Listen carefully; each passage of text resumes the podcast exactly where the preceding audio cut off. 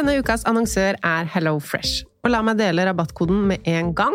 På hellofresh.no bruker du koden FRESHPENGE for å få opptil 1779 kroner rabatt.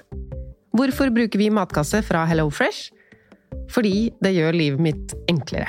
Det er litt mer oppvask, det er det eneste negative. For det er jo litt mer ordentlig middag enn de stakkars guttene mine sikkert hadde fått om jeg ikke hadde fått middagene levert på døra fra HelloFresh. Jeg føler meg som en mesterkokk med disse oppskriftskortene. At noen har tenkt ut middager som er gode, masse grønnsaker. Jeg bare elsker å ikke måtte tenke ut og planlegge og handle inn til middag. Her er alt sørget for og kommer på døra. Du kan velge mellom tre, fire og fem retter i uka til to eller fire personer. Og så kan du alltid hoppe over en uke. Så hvis du skal på ferie, eksempel, så kan du bare sette hele greia på pause. Og hver uke så velger du retter selv, mellom 25 retter, så det vil alltid være noe som faller i smak. Har du ikke testa ennå, så anbefaler jeg deg absolutt det. Gå inn på hellofresh.no og bruk koden FRESHPENGE når du bestiller. Da får du inntil 1779 kroner rabatt på dine seks første matkasser, og gratis levering på den første. Rabatten kan også brukes hvis du har vært kunde hos HelloFresh før, men det er mer enn tolv måneder siden. Velkommen til Kjemperådet! Hey! Vi har fått inn et kjempenytt problem fra en mor. Jeg leser. Yes. Hei, jeg har en datter på 11 år som vurderer å slutte med orientering. Hun elsker jo å løpe, men finner aldri veien. Og jeg må sitte så lenge i bilen og vente. tricky. Ja, men ja dette her har jeg opplevd selv, faktisk. Og løsningen for meg ble da Maps på mobilen. Ja, hun er jo under 13 år. Da får hun 5 gigabyte data for bare 149 kroner med Telenor. Oi. Hun bør jo sjekke ut nye mobilabonnement på telenor.no, da. Yes!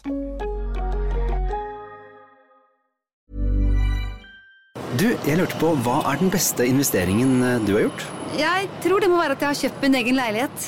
Jeg har kjøpt noe kryptovaluta og håper jo at det vil være en god investering på sikt. Du, det må faktisk helt klart være utdanninga mi fra BI. Jeg har fått en kompetanse og noen verktøy som virkelig er nyttig for meg i alt jeg gjør på jobb. En god investering handler ikke bare om økonomisk gevinst, men også hva du gjør for å gi deg selv et enda bedre utgangspunkt. Utdanning er nemlig en av de største investeringene du kan gjøre for fremtiden din. På BI møter du kunnskapen og nettverket du trenger for å oppnå det du vil. Gå inn på bi.no for å finne kurs og programmer som tar deg videre. BI make it your business.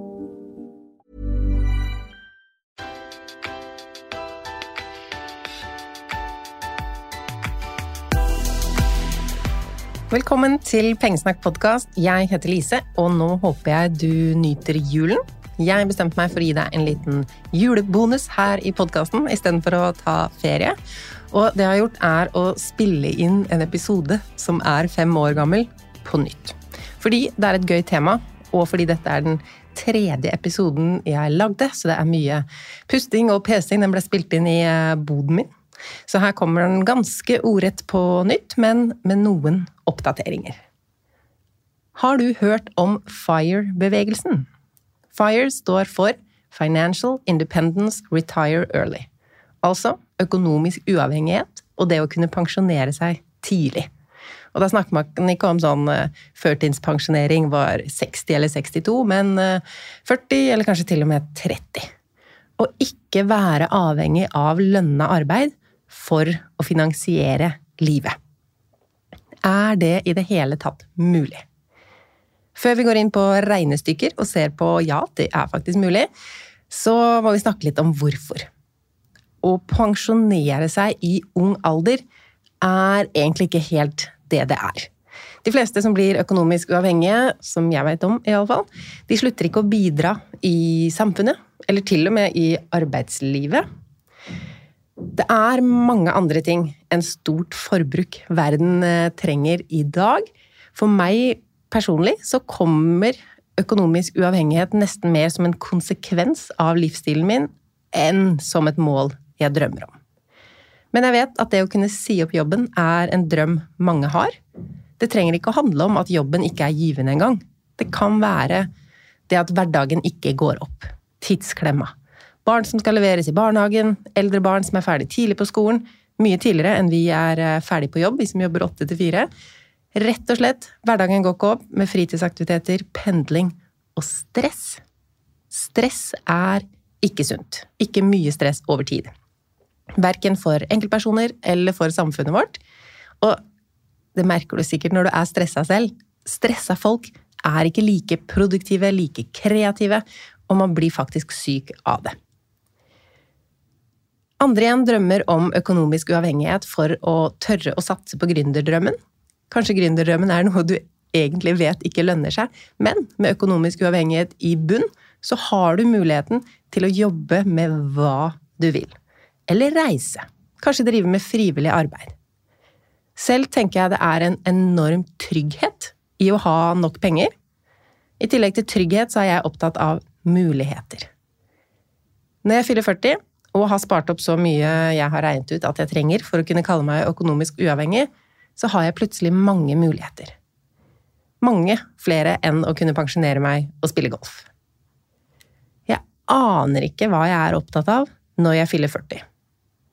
Nå sa jeg jo dette for eh, det begynner å bli ti år siden, nå nærmer jeg meg 40, så nå kan jeg kanskje ane det litt mer enn eh, da, før jeg hadde barn. Og, eh, og jeg har en spennende jobb. Det hadde jeg også da. Det kan endre seg, ikke sant?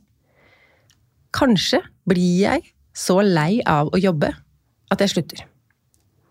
Eller er det kanskje sånn at det er enda mer givende å jobbe når jeg ikke må? Men uansett grunn for å ønske seg totalt, eller i hvert fall en større økonomisk uavhengighet, om det er en evig ferietur du vil reise på, eller starte opp et eget firma, økonomisk uavhengighet er mulig, og også innenfor relativt kort tid for de fleste av oss. De av oss som vil bruke mindre penger og leve mer. Og da må vi begynne å tenke på penger på en helt annen måte enn vi gjør i dag. Så nå skal jeg ta deg med inn i et regnestykke som jeg først hørte om på en eh, podkast som heter Radical Personal Finance. Og det handler om Og la oss si at du vil ha én måned fri fra jobben. En måned med ferie, men ikke i ferien, altså en ubetalt ferie. Du vil leve samme liv, eller kanskje dra på hytta, eh, lese bøker, lage middag til familien. Leve det vanlige livet, altså ikke en kjempedyr ferie. Hvor lenge må vi spare for å få råd til en sånn måned? Da må jeg først få introdusere begrepet sparerate. Sparerate er hvor mange prosent av lønna vi sparer. Hvis vi sparer 10% så er spareraten vår 10. Så enkelt er det. Og hvis vi har en sparerate på 10, vi sparer 10 av månedlig utbetaling til den måneden med fri. Da må vi spare i ni måneder for å få råd til én måned fri. Det er lett å tenke litt kjapt at vi må spare i ti måneder for å komme opp i 100% men vi trenger jo bare 90% Fordi vi har jo bevist når vi sparer 10% hver måned, så lever vi kun på de resterende 90% Vi trenger bare 90% også den måneden vi skal ha fri. Så hvis den er 10% vil det ta oss ni måneder å nå målet. Øker vi sparinga vår til 20 og samtidig da senke forbruket til 80% av utbetalt lønn, ikke sant? Da må vi spare i fire måneder. Altså har vi mer enn halvert tiden det tar å spare for å få råd til én måned fri, ved å øke sparinga fra 10 til 20% Og det er jo fordi det er to faktorer som spiller inn her. Når andelen sparing går opp, vi sparer mer, så går det månedlige forbruket ned, vi trenger mindre, også til den måneden med fri. Så drar vi det enda lenger, og sparer 50% av forbruket vårt. Hvor lenge må du spare da for å finansiere én måned ubetalt ferie? Svaret er én. Sparer du 50% bruker du bare 50% og én månedslønn holder da til to måneder forbruk.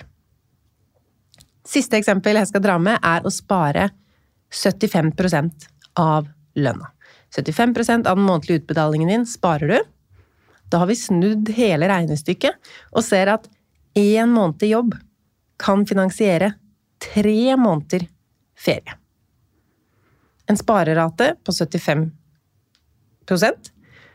gjør at du kun trenger å jobbe tre måneder i året og kan finne på hva du vil de resterende ni månedene i år. Det å kunne pensjonere seg i ung alder, det er ikke noe jeg har funnet på selv. Det er faktisk sånn at det kalles en bevegelse. Kanskje først og fremst i USA. Det finnes mange eksempler på folk som har gjort dette, og lever sine drømmeliv. Min første inspirasjonskilde, eller hvordan jeg kom inn på det her, var en blogger som kaller seg Mr. Money Mustache. Det er nok av eksempler på folk som har gjort det, men det betyr jo ikke at det er helt lett, eller at det passer for alle. Men la oss se på. Hvor mange penger trenger du, og hvor lenge må du spare før du faktisk kan si opp jobben og leve et liv som økonomisk uavhengig? Den aller viktigste faktoren, det tror jeg du skjønte i eksempelet, er spareraten din. Altså hvor stor andel av det du tjener, du sparer. Og grunnen til at spareraten er så bestemmende for hvor lang tid det vil ta for deg å bli økonomisk uavhengig, er fordi den forteller oss to ting. Både hvor mye av utbetalingene dine du trenger, altså den delen du ikke sparer, og hvor mye du sparer. Og jo større differansen mellom hva du tjener og hva du bruker er, jo nærmere er du å kunne pensjonere deg. Hvis det ikke er noe differanse der, altså du bruker 100 eller mer, vil du aldri få spart nok til å bli økonomisk uavhengig. Altså hvis du ikke sparer noen ting. Mr. Money Masters, eller Pete Adney som han egentlig heter, er en av eh, guruene innen dette feltet, og han beskriver på sin blogg det jeg snakker om nå. Han har satt opp en enkel tabell hvor man i den ene kolonnen har sparerate, og i den andre antall år til du kan pensjonere deg. Jeg kan linke til eh, den i eh, episodebeskrivelsen. Og der kan man se at 10% sparerate, det gir 51 år til økonomisk uavhengig. Jeg skal fortelle litt mer etterpå hva du skal gjøre med disse pengene du sparer. Eh, men øker vi til 20% sparerate, kortes tiden ned med 14 år. Altså kan du bli økonomisk uavhengig om 37 år. Fortsatt en stund til, da. Eh, så la oss se på to tall til for å se på hvor mye vi må spare for å kunne oppnå økonomisk uavhengighet litt raskere. En sparerate på 50% Du sparer halvparten, bruker den andre halvparten. Da er det 17 år til du kan pensjonere deg. Øker vi til 75% sparerate, trenger vi kun å spare i syv år. Vanligvis når jeg definerer sparing, så tar jeg med alt mulig. Sparing til bil, sparing i aksjefond, feriesparing til neste sommer, nedbetaling av lån. Alt er sparing. Men når vi snakker om sparerate i denne sammenhengen, så kan jeg ikke ta med lånenedbetaling, f.eks. Det er kun den langsiktige sparingen som kan regnes med. For ikke sant, sparing til sommerferie, det blir jo brukt opp til sommerferien, så det er ikke um, Det kan jeg ikke uh, ha med i det regnestykket. Det er jo ikke spart til den dagen jeg er økonomisk uavhengig. Ikke engang nedbetaling av gjeld eller oppgradering av bolig teller med, med mindre det er en investering. Hadde jeg visst f.eks. når jeg blir økonomisk uavhengig, da skal jeg flytte til et billigere sted, da kunne jeg regna med noen av pengene som er låst i bolig. Så når vi bor dyrt, da må jeg spare enda mer for å kunne oppnå dette målet. For å bli økonomisk uavhengig så må vi uansett bruke lite og spare mye. Og det som spares, skal ikke spares i en eh, madrass eller på en bankkonto med lave renter. Det skal investeres. For det skal godt gjøres å spare opp så mye penger man trenger resten av livet. Man vet jo heller ikke hvor lenge resten av livet er, og hvor mye man da trenger å spare. Så det som er planen, er å ikke bruke så mye av sparepengene i seg selv, men å investere dem i noe som gir så stor avkastning at man kan leve på den avkastningen. Det kan være utleiebolig. Da må det være en stor utleiebolig, kanskje et sånn eh, flerfamiliehus, eller flere små, som til sammen vil kunne dekke mine utgifter og forbruk. Så da er det det jeg sparer til. Jeg sparer ikke for å en gang bruke de oppsparte midlene, men for å kunne investere dem i noe som finansierer mitt liv. Et alternativ til utleiebolig er eh, aksjer. Selv investerer jeg i fond som er brede, og jeg baserer regnestykket mitt på å kunne ta ut 4% hvert år. Det er et tall som er godt dokumentert, øh, og også godt diskutert. Ehm, Så godt at man snakker om det som 4 %-regelen. Regelen ble etablert på slutten av 90-tallet, da tre professorer i finans ved Trinity University publiserte en studie der de så tilbake på børsutviklingen tilbake til 20-tallet, 1925, og så på perioder på opptil 30 år. For de ville vite når man pensjonerer seg, hvor mye må man ha investert for å da ikke gå tom på 30 år. Hvor mye kan man ta ut? Uh, også om man pensjonerte seg rett før en børsnedgang. Svaret var 4% Vil du vite mer om dette, så kan jeg anbefale podkasten til min eh, kompis Fredrik Støle, eller Fire-Fredrik, som vi kan kalle han. Hør episode fem av hans podkast Ferden til Fire for et ordentlig dypdykk i denne 4 %-regelen. Eh, Men la oss bare ta utgangspunkt her i at den eh, regelen eh, gjelder. Vi kan ta ut 4% hvert år fra aksjefondene våre, inflasjonsjustert. For selv om børsen svinger, så svinger den oppover, og vi kan regne med at avkastningen er over 4-5% over tid. Avkastningen er en viktig faktor i regnestykket fordi 100 000 kroner investert i år blir da, hvis det er 5% avkastning på børsen, 105 000 kroner neste år. Pengene du har investert mens du jobber for å tjene og investere flere, vokser. Pengebingen din vokser av to grunner. Det ene er innskuddene du gjør hver måned, eller oftere, eller litt sjeldnere, og avkastningen i markedet. Så vi er ikke bare opptatt av avkastningen fra man pensjonerer seg og framover, men også den hjelpen vi får i spareperioden. I hvert fall oss som ikke gjør dette her på fem år.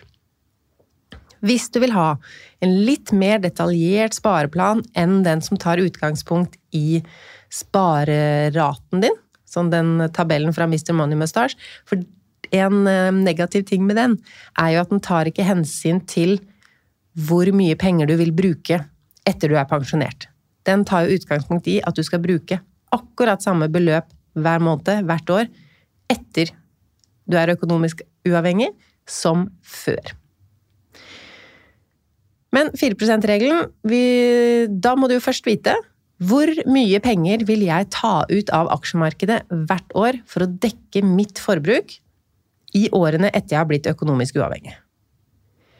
I 2015, da jeg begynte denne reisen, sparingen, så kalkulerte jeg med at jeg vil ha 150 000 kroner til forbruk. For da brukte jeg 10 000 kroner i måneden, øh, og så la jeg på litt øh, ekstra, så fikk jeg 150 000 kroner. Og det er jo en øh, litt veldig utdatert sum for det luksuslivet jeg lever nå, i en større bolig, med barn, inflasjon som har vært siden da, min økte levestandard, vaner. Men for å demonstrere regnestykket, så kan vi fortsatt bruke det tallet.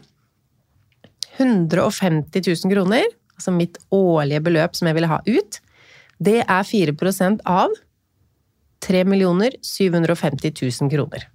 Sparemålet mitt, mitt FIRE-tall, som vi kan kalle det, ble dermed 3 750 000 kroner. Jeg skal fortelle deg hvordan jeg ligger an veldig snart, eh, men først fire punkter jeg satte opp i 2018. Hvordan finne din vei til økonomisk uavhengighet. Steg 1. Finn ut hvor mye du vil ha å leve for hvert år. Hvor mye koster ditt drømmeliv? Og det kan jo hende ditt drømmeliv er akkurat det du lever nå. Eller er det å flytte til en sydhavsøy? Da koster det sikkert mye mindre. Eller er det i drømmeliv å bruke mer penger enn du bruker i dag? Ikke sant? Steg to gang dette årsforbruket med 25. Så får du ditt litt forenklede FIRE-tall. Steg tre se på hvor mye du kan spare i året, og regne med avkastning på dine investerte penger for å finne ut hvor lang din reise mot økonomisk uavhengighet er. Steg fire nyt reisen, ikke bare målet. Dette er så viktig, og det snakka jeg masse om i episode 190. Det er bare noen uker siden, så hør på den. Og mer om veien til økonomisk uavhengighet og de tre tingene du må kunne for å klare det. Grunnene til at jeg kunne spare så mye til økonomisk uavhengighet som jeg gjorde og gjør, mest eh, gjorde, hvis vi skal ta utgangspunkt i år i hvert fall. Jeg hadde betalt ned boliglånet. Dette var jo for fem år siden. Nå har jeg jo igjen boliglån på over to millioner. Men det at jeg ikke hadde boliglån over noen år, det gjorde jo at jeg kunne investere mye penger hver måned. Nå betaler jeg, eh, hvis jeg tar min halvdel av eh, boliglånet, hva blir det da? Over 10 000 i eh, boliglån hver måned. Når jeg ikke hadde det, så kunne jeg jo investere den summen isteden. Rett inn i aksjefond med alt sammen. Jeg bruker kun penger på det som gjør meg lykkelig. Jeg er miljøbevisst. Det har vi jo snakka om mange ganger. Hvordan disse andre faktorene, sammen med minimalismegreiene Det er egentlig ikke for å spare penger, men så er de så like, eller de fører til det samme. Er man veldig opptatt av klima, ja, da flyr du mindre, shopper mindre, forbruker mindre, og med det sparer du penger som en bieffekt. Jobber ekstra for høy inntekt. Eh, det skrev jeg da fordi jeg hadde jobber, altså ekstrajobber ved siden av fulltidsjobb. Nå jobber jeg mye for høy inntekt, men eh, det meste dreier seg jo om pengesnakk. Ingen dyre hobbyer. Det gjelder fortsatt, hvis vi ikke regner ungene mine som hobbyer, for de, eh, de koster litt.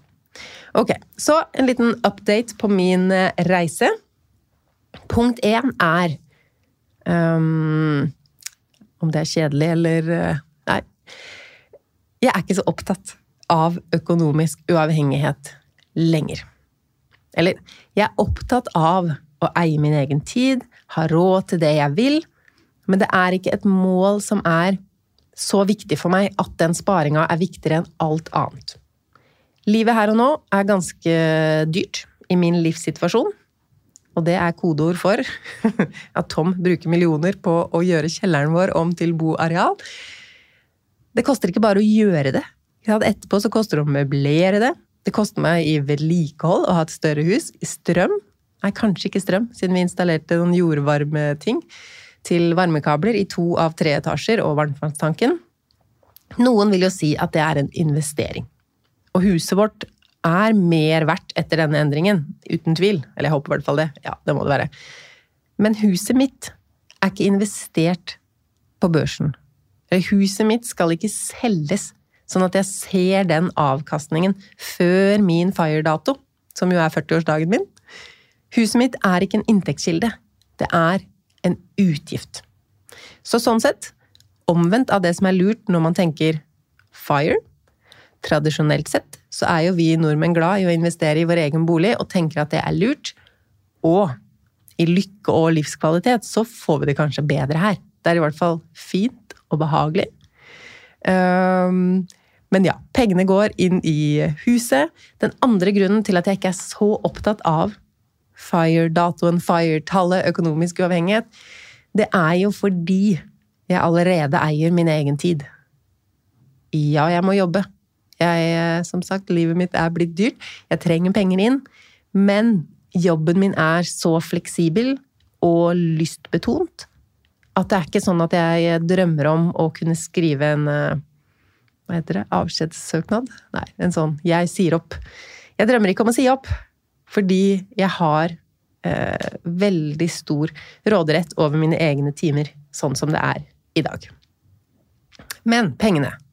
Penger spart på min aksjesparekonto, som er eh, økonomisk uavhengighetspengene mine, Frihetsfondet. Det er per i dag Og hvorfor sier jeg per i dag? Det høres så rart ut. Det er jo fordi børsen svinger. Så det tallet, det er ikke statisk eller øker lineært. Det øker ikke engang likt med hva jeg putter inn. I år har jeg putta inn lite på børsen, men Fondet mitt har allikevel vokst med over 400 000 kroner. Et annet år kan det jo være omvendt. At jeg driver og jobber og putter inn masse penger, men så går børsen nedover, sånn at saldoen per den dagen er lavere.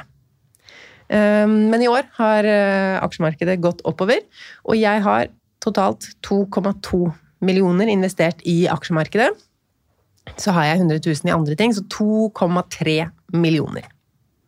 Og hvis du husker mitt FIRE-tall, 3 750 000, så mangler jeg halvannen million. Og det er fortsatt over tre år til jeg er 40. Det blir 500 000 kroner i sparing i året. Hvis børsen verken synker eller øker på tre år. Det veit vi jo ikke. Det er for kort tid til at vi kan anta noe om det.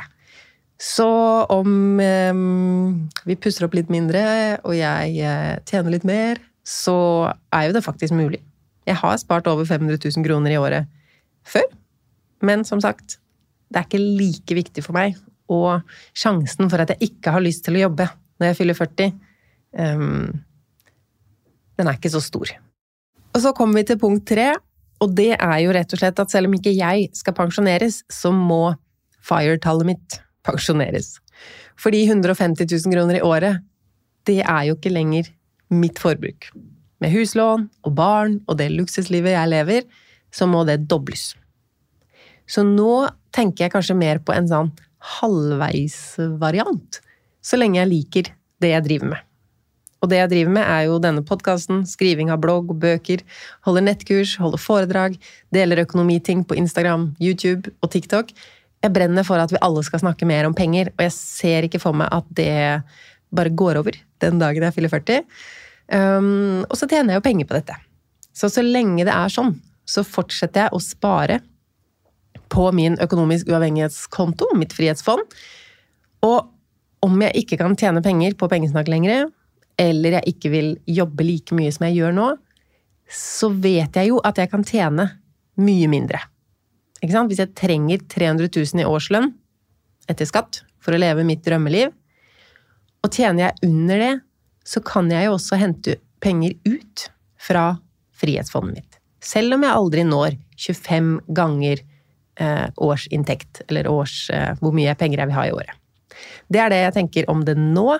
Jeg legger også i episodebeskrivelsen en eh, link til en YouTube-video som jeg har laget med tidligere nevnte Fire Fredrik, som regner ut hvor mye jeg må spare om jeg tar i betraktning mitt nye høyere forbruk, skatt på avkastning, osv., osv. Så, så se den videoen hvis du liker tall og beregninger.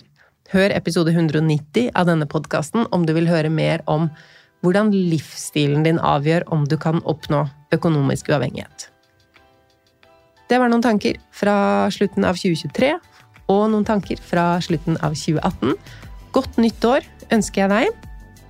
Podkastepisoden neste uke handler om økonomiske nyttårsforsetter.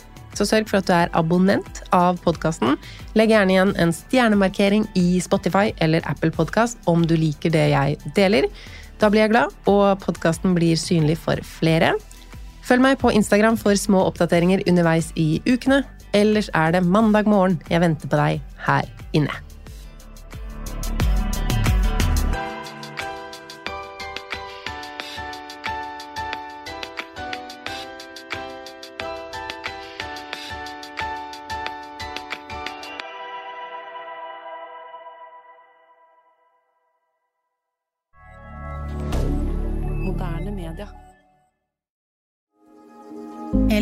Foreleser på BIs videreutdanning. Hvor kommer motivasjon på jobben fra? En viktig kilde til motivasjon på jobben ligger i å mestre arbeidsoppgavene og utfordringene man står overfor. Den mestringsfølelsen opplever du i møte med forelesere og medstudenter i klasserommet på BI. Lær mer på bi.no muligheter.